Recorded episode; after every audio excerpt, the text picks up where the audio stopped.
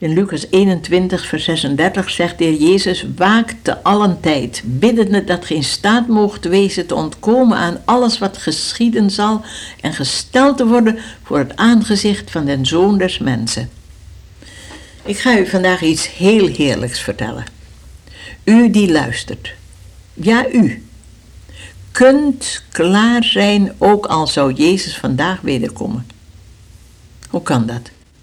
Het antwoord vinden we in de Bijbel. En dat gaan we samen lezen. Neem maar een papiertje en schrijf de teksten op die ik noem. Ik weet het best dat er heel wat Hollanders zijn die zeggen: Kom nou, die Johannes de Heer, ja, die geloofde dat Jezus gauw kwam. Maar je ziet het toch maar, hij is gestorven en heeft het niet meegemaakt. Peter zegt: Zeder de vaderen gestorven zijn, de vaderen, zoals Johannes de Heer en vele anderen, is alles net zo gebleven als het van het begin der schepping al geweest is. Waarom zouden wij dat dan geloven voor onze tijd? Kijk, Jezus heeft gezegd, we moeten letten op de tekenen der tijden. En als u zo redeneert, dan bent u zelf een teken der tijden. Luister maar. 2 Petrus 3, vers 3 en 4. Dit vooral moet geweten dat er in de laatste dagen spotters met spotternij zullen komen, die naar hun eigen begeerte wandelen en zeggen, waar blijft de belofte van zijn komst? Want sedert de vader ontslapen zijn, blijft alles zo als het van het begin der schepping al geweest is. Ziet u dat u een teken bent? Dat we in de laatste dagen zijn?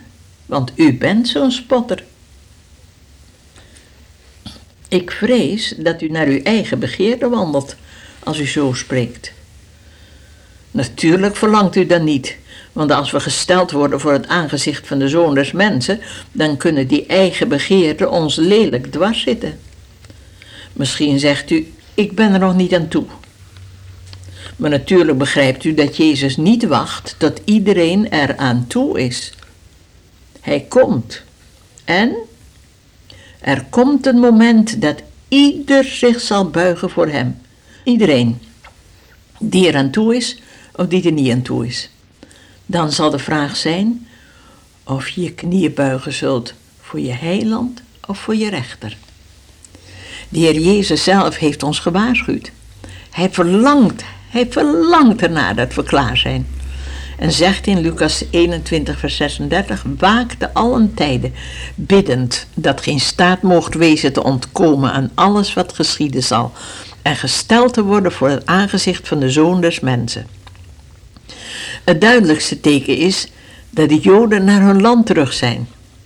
Ik was in Californië de morgen dat het Rijk Israël geboren of herboren was, 15 mei 1948. Mijn gastvrouw las het ochtendblad en rende naar de telefoon.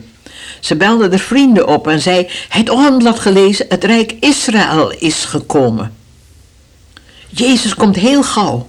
Laten we zorgen klaar te zijn en zoveel anderen klaar te maken als we kunnen.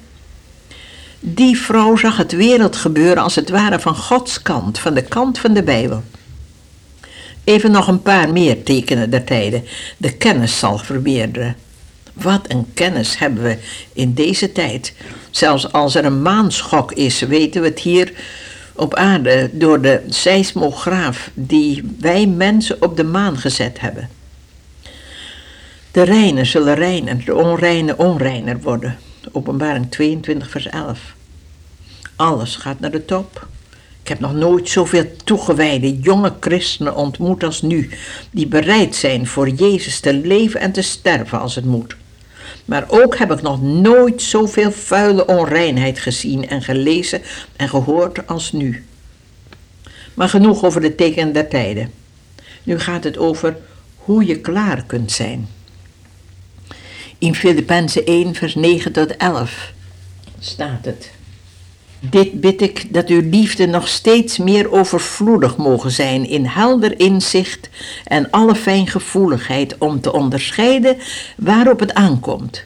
Dan zult ge rein en onberispelijk zijn tegen de dag van Christus, vervuld van de vrucht van gerechtigheid, welke door Jezus Christus is tot eer en prijs van God. Is dat mogelijk? liefde zo overvloedig in u, in mijn hart. Dat krijgen we toch nooit voor elkaar?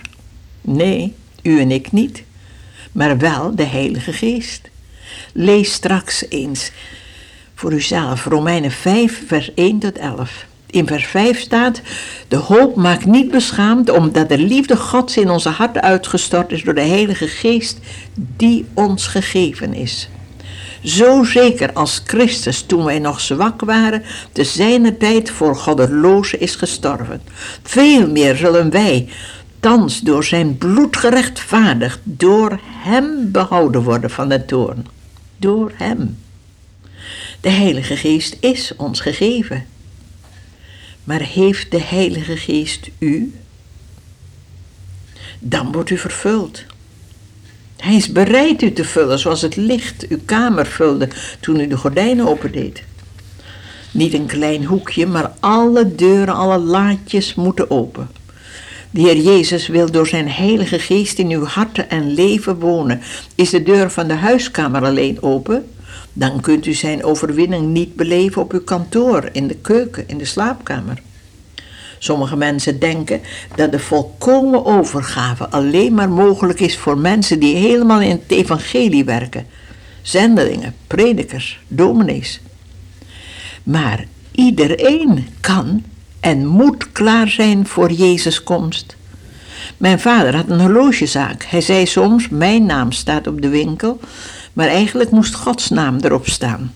Ik ben een horlogemaker bij de gratie Gods. Ik heb 25 jaar met hem gewerkt in de zaak en gezien en beleefd hoe een mens leeft die eerst christen is en dan zakenman. Vader verlangde naar Jezus' komst. Al zijn gebeden eindigden met deze woorden: En Vader, laat spoedig het moment komen dat Jezus Christus, uw geliefde Zoon, wederkomt op de wolken des hemels. Ja, Iedereen kan in volkomen overgave aan den Heer leven. U ook. Johannes zegt in 1 Johannes 2 vers 28, en nu kinderkens, blijft in hem, opdat wij, als hij geopenbaard wordt, vrijmoedigheid hebben en voor hem niet beschaamd staan bij zijn komst. Jezus klopt aan de deur van uw hart op dit moment. Wilt u zeggen, ja Heer Jezus, kom in mijn hart? Dan komt hij. En dan gaat hij het doen. Hij verlangt naar u. Hij heeft u lief. Hij is nog meer verlangend dat u, dat wij klaar zijn voor zijn komst, als dat wij verlangend zijn bereid te zijn. In Johannes 15, vers 5 zegt hij: Wie in mij blijft en ik in hem, die draagt veel vrucht. U kunt u zelf niet klaarmaken voor Jezus' komst. Hij zegt, zonder mij kunt gij niets doen. Maar stop ermee om het op een akkoordje te gooien. In uw hart is een kruis en een troon. Is het ik op de troon, dan is Jezus aan het kruis. Is Jezus op de troon, dan is het ik aan het kruis. En Hij, Jezus, zal u ook bevestigen ten einde toe zodat gij onberispelijk zult zijn op de dag van onze Heer Jezus Christus. Halleluja, Hij doet het, Hij overwint. Hij gaat alle dingen nieuw maken en maakt ons meer dan overwinnaars bij het nieuwe begin, de komst van het vrederijk op aarde. Laten we bidden. Heer Jezus, dank u dat u het doet, dat u het doen wilt. In ieder die nu zegt, ja, Heer Jezus, kom in mijn hart. Vervul me met uw geest. Maak mij bereid voor uw wederkomst. Neem mijn leven. Heerlijk dat u het doet. Halleluja, wat een heiland. Amen.